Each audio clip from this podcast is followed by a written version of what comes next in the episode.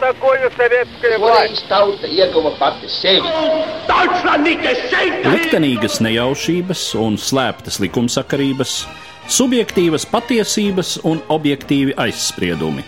Pēc atkušņa nekad nenāk uzreiz pavasars, bet sākās Arī šodien cilvēki ir ļoti tūredzīgi. Viņi redz to naudu, kas ir. Televīzijā jau pamatā notiek cīņa par varu.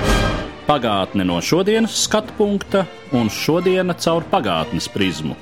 Raidījumā šīs dienas acīm. Katru svētdienu Latvijas radio ēterā Eduards Liniņš. Labdien, cienījamie klausītāji! Šodien man atkal ir tas prieks pieteikt jaunu izdevumu Nacionālā encyklopēdija Latvija, nākusi klajā pavisam nesen, un šodien mani sarunbiedri studijā ir šī izdevuma galvenais redaktors Valters Ščerbinskis. Labdien! Labdien! Un izdevuma attēlu redaktore Asnāta Rībena. Labdien! Tā tad encyklopēdija vienā sējumā. Cik ilgā laikā tappa šis darbs? Būtībā varbūt nedaudz jāpieskaita arī laiks, kad tika ģenerētas idejas un saprasts, kas un kā tiks darīts. Un, uh, es negribētu šeit šo procesu īpaši atraut no elektroniskās vidas sagatavošanas, kas norisinājās paralēli, bet, ja mēs tieši runājam par rakstu apstrādi, rediģēšanu, ilustrāciju atlasu, tad tas ir sākot ar 17. gadu. Tas nozīmē pusotras gads tiešā darba, bet, protams, zinām, sagatavošanas darbu tika veikt arī agrāk. Jā, runājot par elektronisko vidi, tātad šis projekts ir paralēli arī tīmeklī. Jā, tas tiks ievietots arī elektroniskajā vidē, un šobrīd mūsu redaktors arī Asnāt piemēro saturu elektroniskajā vidē, jo nu īsti tieši precīzi to pašu mēs viens pret vienu nevaram likt. Es gribētu nedaudz precizēt, elektroniskā vide nav drukātā sējuma turpinājums. Tas ir būtībā paralēli. Mūsu pamatu pamats ir šī elektroniskā vide no paša sākuma. Bet ņemot vērā simtgadi un cik tā ir nozīmīga mums un, un visai valstī, mēs pieņēmām lēmumu izveidot šo īpašo drukāto Nacionālās encyklopēdijas sējumu Latviju. Bet šī informācija, protams, mēs esam ieguvuši, mēs esam apstrādājuši, ir sagatavots gan ilustrācijas, gan teksti, un būtu neiedzīgi to vienkārši atstāt tikai drukātā formā. Protams, ka mēs to piemērojam elektroniskajā vidē, liksim iekšā, un pats par sevi saprotams, elektroniskā vidē tas svarīgākais nosacījums ir, ka viss saturs turpina attīstīties katru dienu, katru nedēļu, katru mēnesi. Šis darbs elektroniskajā vidē, kur tas ir atrodams, ar kādu adresi, vai tas ir saistīts ar kādiem citiem elektroniskiem resursiem. Tūlīt nāk prātā tāds populārs un arī diezgan nekritisks resurs kā Wikipēdija. Mums atvēršanas pasākums norisināsies 18. decembrī, un tad no 18. decembra pēcpusdienas encyklopēdija būs lasāma elektroniskā vidē, un adrese ir encyklopēdija.lv. Šobrīd jūs varat jau pamēģināt un ieiet savos telefonos vai datoros un pārbaudīt, tur ir encyklopēdijas logo un pulkstenis, kas skaita minūtes un sekundes līdz atvēršanas brīdim. Bet runājot par citiem resursiem, mūsdienu pasaule ir uh, raksturīga ar to, ka mums ir ļoti daudz un dažādas iespējas iegūt informāciju, bet tas centrālais jautājums, kāpēc vispār tika sākts šis plašais pasākums ar diezgan lielām ambīcijām, ir tas, ka mums trūkst augsticama informācija. Un, uh, lai mēs varētu nodrošināt augsticamu informāciju latviešu valodā, tiek radīta encyklopēdija un encyklopēdisks saturs pēc noteiktiem principiem, ne tikai teksti, bet arī ilustrācijas, kurām Asnāt ļoti intensīvi darbojās. Es negribu teikt, ka mēs ar kādu konkurēsim, bet katrā ziņā cilvēkiem būs iespēja izvēlēties un novērtēt. Man jāatzīstas, ka man nebija ļoti daudz laika šķirstīt šo encyklopēdiju. Tuvojoties simtgadēji, darba režīms ir diezgan intensīvs. Un palasot, protams, mani primāri interesējošo sadaļu par radio, uzreiz krita acīs kaut kas, kas būtu jau labojams. Teiksim, informācija ir mazliet novecojusi. Tātad šis sējums rāda mums vienu laika momentu. Tas ir tātad laiks apmēram, spriežot pēc tiem faktiem, pagājušā gada nogalē.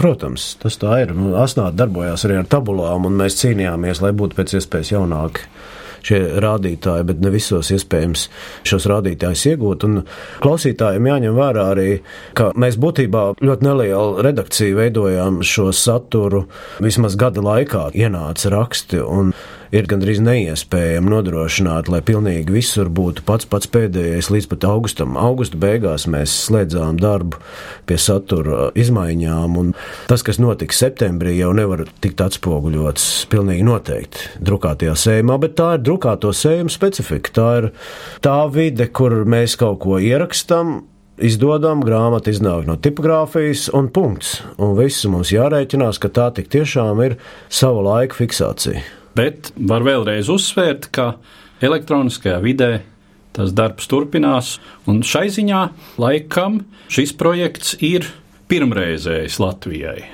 Es nelietotu vārdu projekts. Projekts ir kaut kas tāds, kas paredzamā nākotnē beidzās. Encyklopēdijas jēga ir tad, ja tā ir ļoti ilglaicīga. Tas ir tāds ilgtermiņa pasākums, ļoti, ļoti ilga termiņa pasākums, kad uh, tiek pakāpeniski uzkrātas, pilnveidotas šīs zināšanas tehnoloģiski attīstīts. Līdz ar to pilnīgi noteikti pirmo reizi kaut kas tāds notiek Latvijā un, un lielā mērā pateicoties tieši simtgadus radītām iespējām. Tomēr gribas jau jautāt, kas no agrāk šai virzienā, nu tātad enciklopēdijas žanrā, ja mēs tā varam teikt, darītā ir kalpojis jums kā iedvesmas avots. Šeit varētu par daudzām lietām runāt. Varbūt es varētu arī asnātai prasīt, asnāt arī noteikti savā jomā, veidojot šo ilustrāciju bloku, ir domājis. Man par iedvesmas avotu kalpoja citas encyklopēdijas, kuras es eh, uzskatīju par labākajiem šī žanra piemēriem. Man ļoti patika franču encyklopēdija Larus tīri no mākslinieckā viedokļa. Bet, protams, tas laiks, kad tā tika izdota kā grāmata, ir daudz gadus atpakaļ. Bet tas ir vairāk tieši saistībā ar dizainu. Katrai encyklopēdijai ir savi plusi un savi mīnusi. Bet, protams, tu skaties un uh, centies aizņemties tās labākās idejas un piemērus. Varbūt priedvesmu šis tas ir kalpojis, bet mēs mēģinājām radīt kaut ko tādu, kas ir mūsu laikmetā piemērots un mūsdienīgs, un vairāk raudzīties uz nākotni. Dabiski, ka nevar pateikt, ka nē, mēs neesam skatījušies, lasījuši un kaut kādā veidā ietekmējušies no konverzācijas vārnīcas vai no LPE. Bet arī pašā laikā nu, mēs nemēģinājām ne vizuāli, ne saturiski sekot iepriekšējām šīm universālām encyklopēdijām.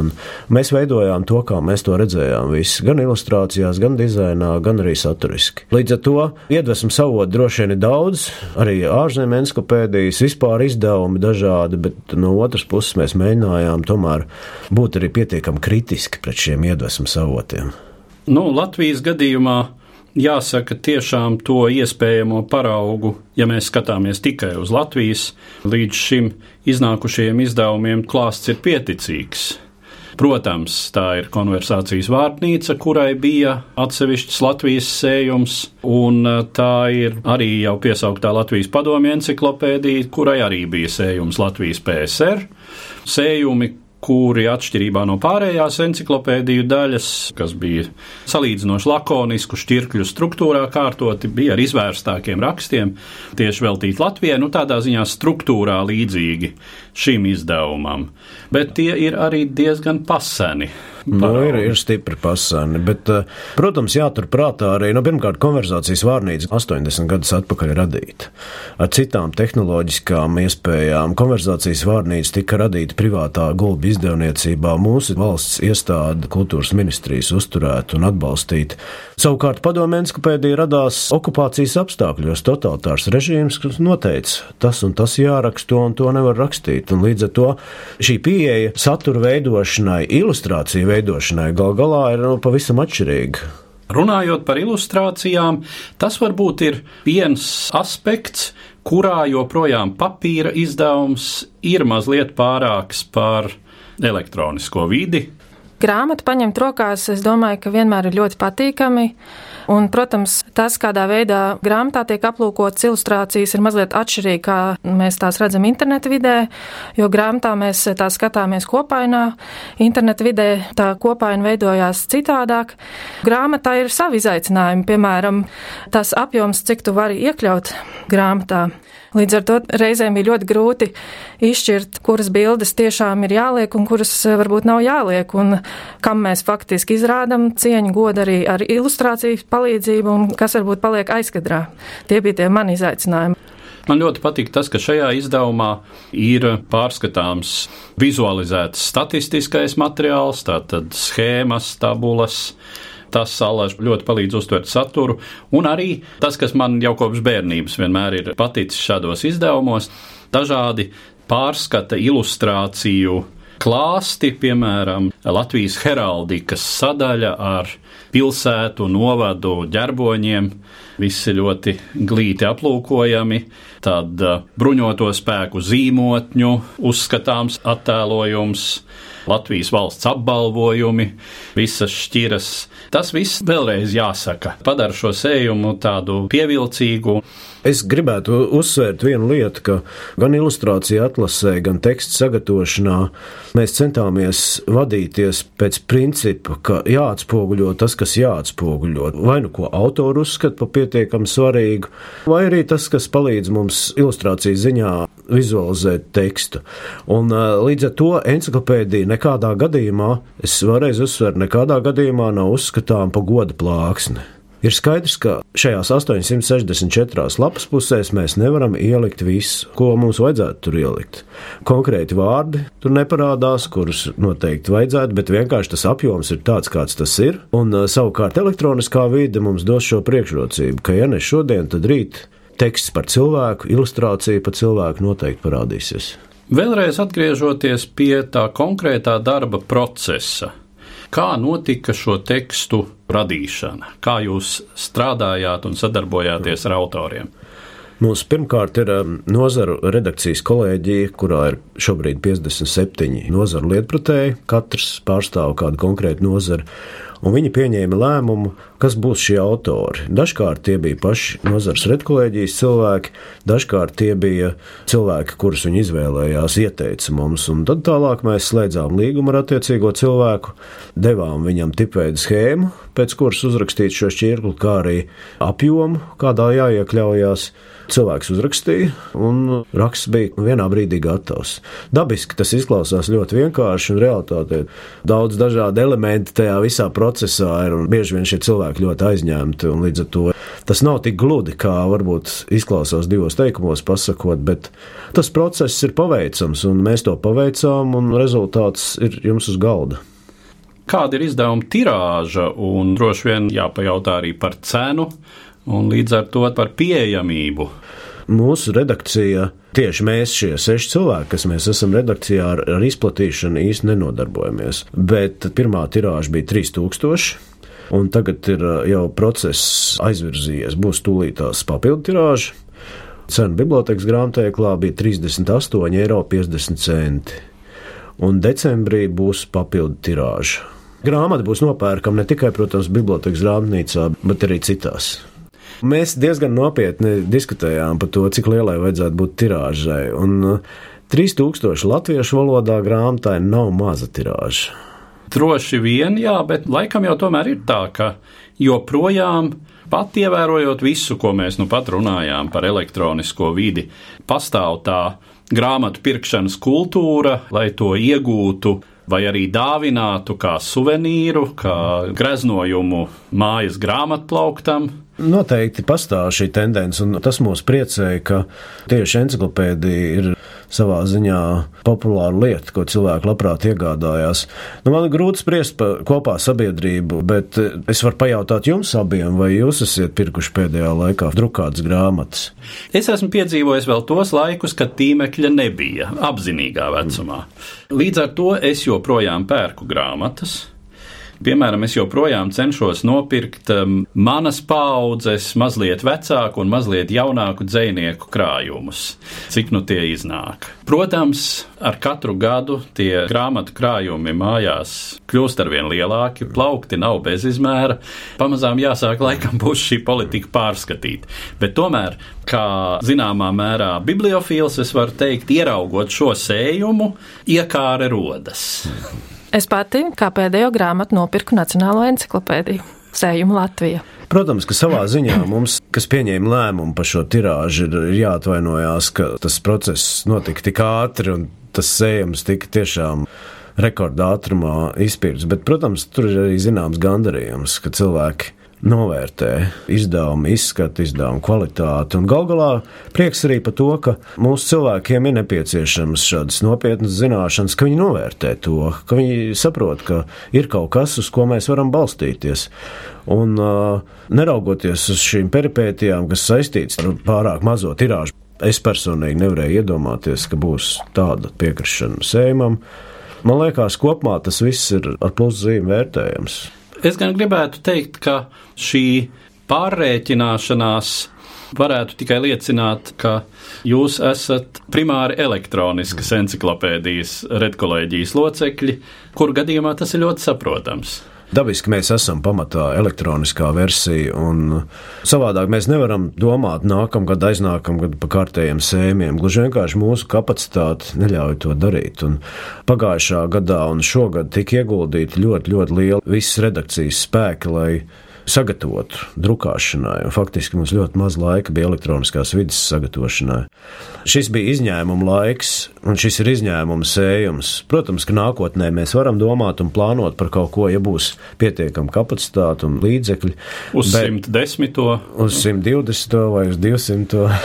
Bet eh, katrā ziņā šis ir tāds patīkams ārkārtas gadījums, kas prasīja diezgan liels nervu un visādus citus ieguldījumus procesā.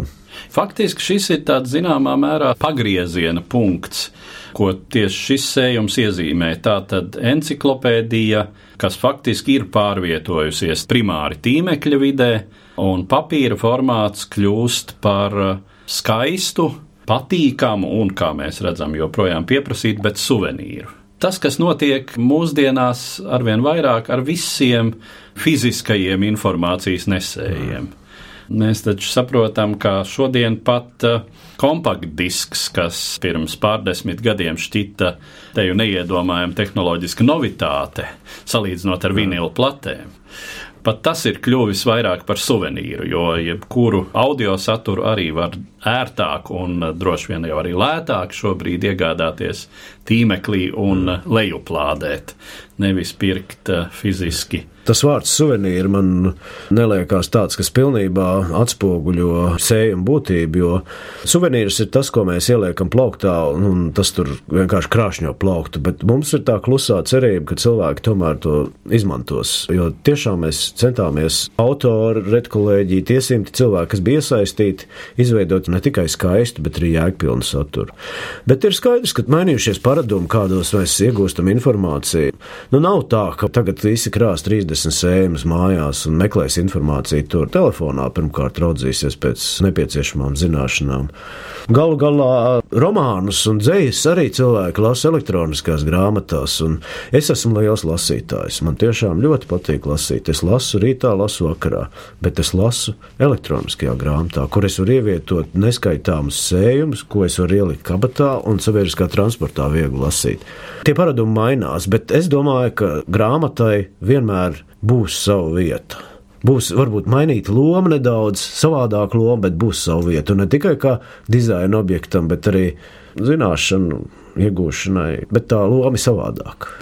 Runājot no mūsu sarunas galda pretējās puses, kas šajā gadījumā ir zināmā mērā arī mūsu starpā pastāvoša robeža šķirtne, jo es būdams elektroniska medija žurnālists riskēju tagad atzīstoties, ka Man joprojām ir ar grāmatām nokrauts rakstām galds. Es joprojām lietoju šo formātu, lai gan lietoju ļoti daudz, protams, arī tīmekļa informāciju, bet šķirstu grāmatas dien dienā. Man jāatzīst arī, ka Latvijā un latviešu valodā joprojām tīmeklī pieejamās informācijas ir nepietiekami, lai sagatavotu pilnvērtīgu saturu.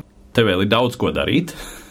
Bet jā, šis ir tāds robežu moments Un eh, man jāatzīst, ka man arī nav joprojām manā īpašumā šī elektroniskā lasītāja. Es jums ieteiktu pamēģināt, jūs sāksiet un nevarēsiet atrauties. Bet uh, sava patīkšana ir arī žonglēt ar bieziem sējumiem pie savu rakstām galda. Taisnība. Jā. Droši vien mēs esam jau iezīmējuši līdz ar to šī sējuma potenciālo mērķa auditoriju, kas sev ir arī apliecinājusi. Tā tad būs papildu tirāža vēl cik? Vismaz divi tik vēl.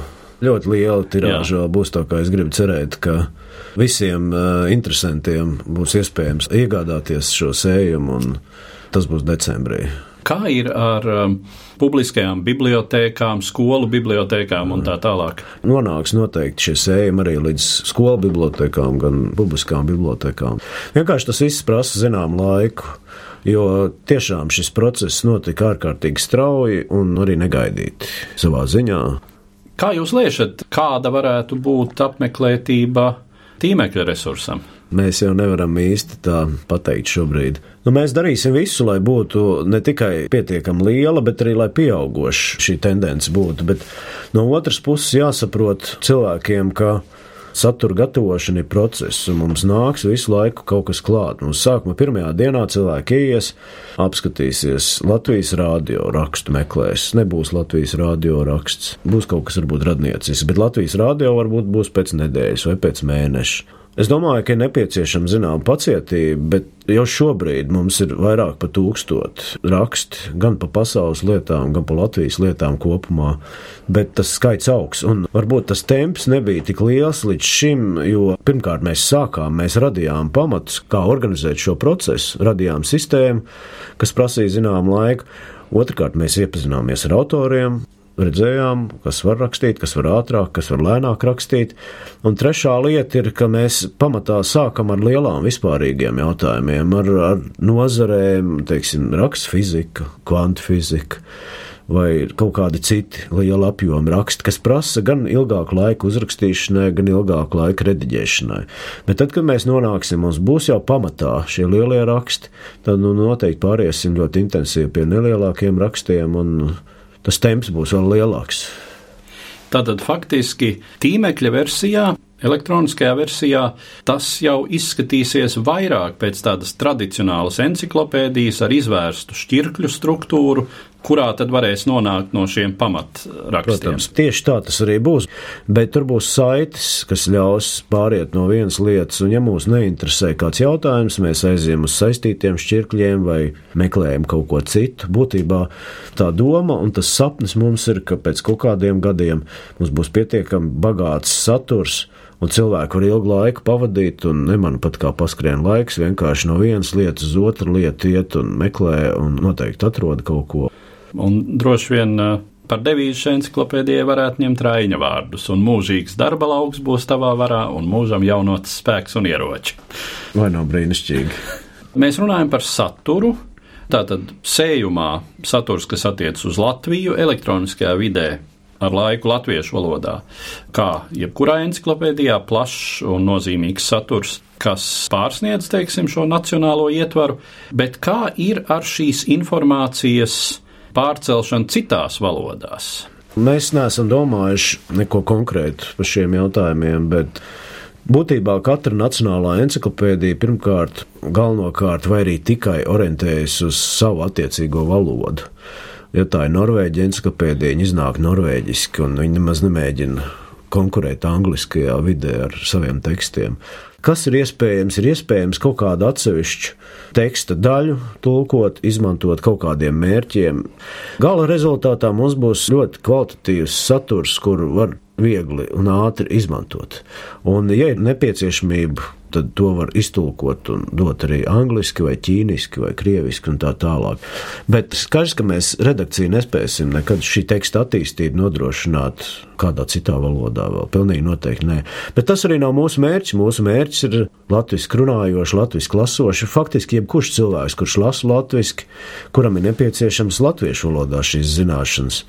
Tā kā es domāju, ka tas ir pietiekami liels un ambiciozs mērķis, un domāt par citām valodām, es domāju, ka tā būtu vienkārši utopija.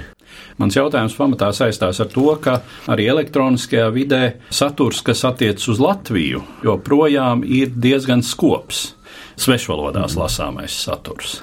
Es domāju, ka tehnoloģijas šobrīd iet ārkārtīgi strauji uz priekšu, mašīnu tulkošanas iespējas. Tagad mēs varbūt nedaudz ironizējam par to, kā mašīnas tulko, bet tas process iet uz priekšu un arvien kvalitīvāk un kvalitīvāk šis process notiek.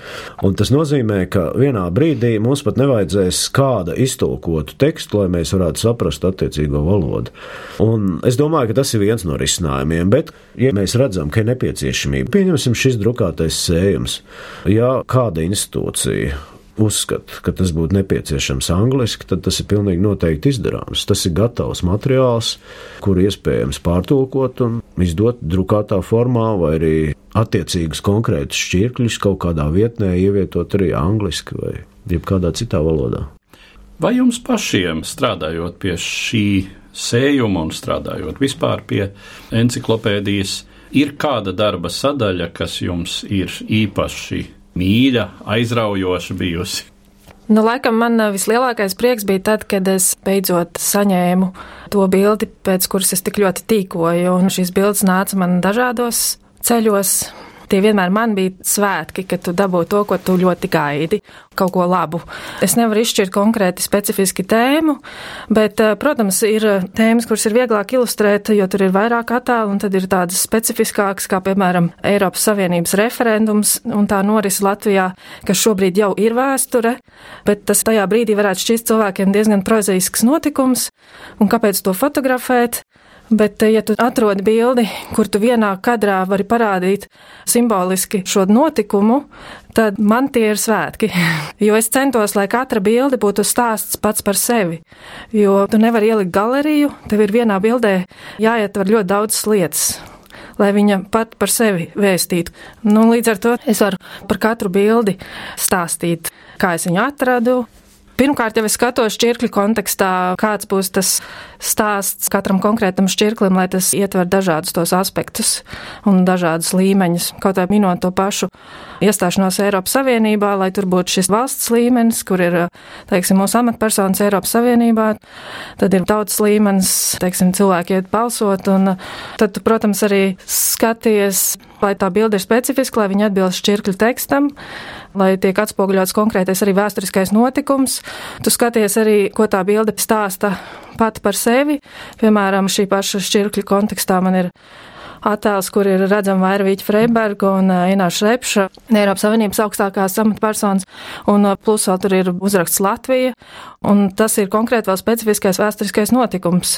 Līdz ar to es uzskatu, ka it kā varbūt skatītājs to nenovērtēs, bet tas nav tā, ka tu vari ieiet Eiropas Savienības mājaslapā vai Eiropas kopienas audiovizuālās servisu vietnēs, un kad tev ir vesels klāsts ar attēliem. Citreiz tie attēli ir ļoti mazi.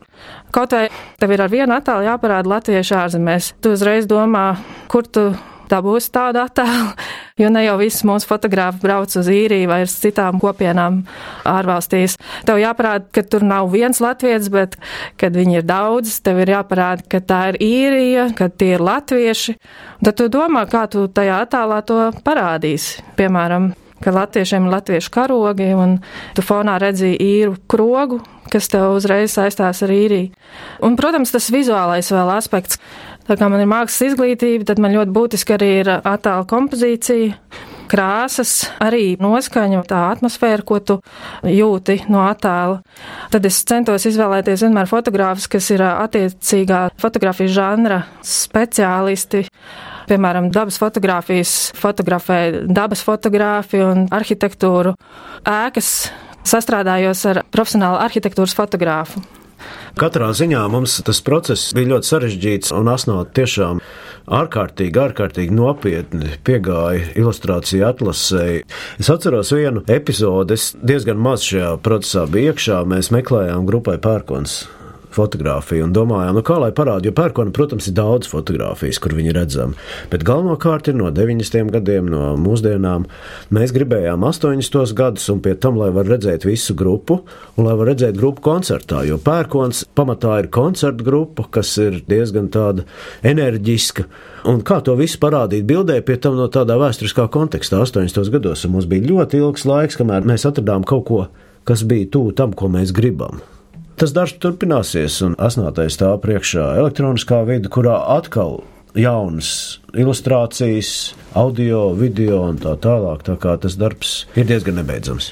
Jums pašam pie kā visvairāk sila sirds šajā procesā? Man pie visas sila. Pilnīgi noteikti es nevaru neko izcelt, un man katrs teksts likās svarīgs ar katru tekstu tika strādāts, un pie katra teksta ir atstātas domas un cerības. Un es domāju, ka pilnīgi nepareizi būtu man kaut ko izcelt, un es arī tiešām nevaru izcelt. Tā kā asnātēji par ilustrācijām ir stāsti, tā mums arī par atsevišķiem tekstiem ir stāsti, ir bijušas diskusijas, kaut kādi strīdi. Šķērēšana, tas ir process, kas ir neizbēgams. Tāds tas vienmēr ir un vienmēr būs. Vēlot eh, veiksmi turpmākajā darbā un eh, sakot paldies par jau paveikto un eh, paldies par šo sarunu Nacionālās encyklopēdijas veidotājiem, tās galvenajam redaktoram Walteram Ščerbinskim un attēlu redaktorei Asnātei Rībenai. Katru svētdienu Latvijas radio viens par pagātni sarunājas Eduards Līniju.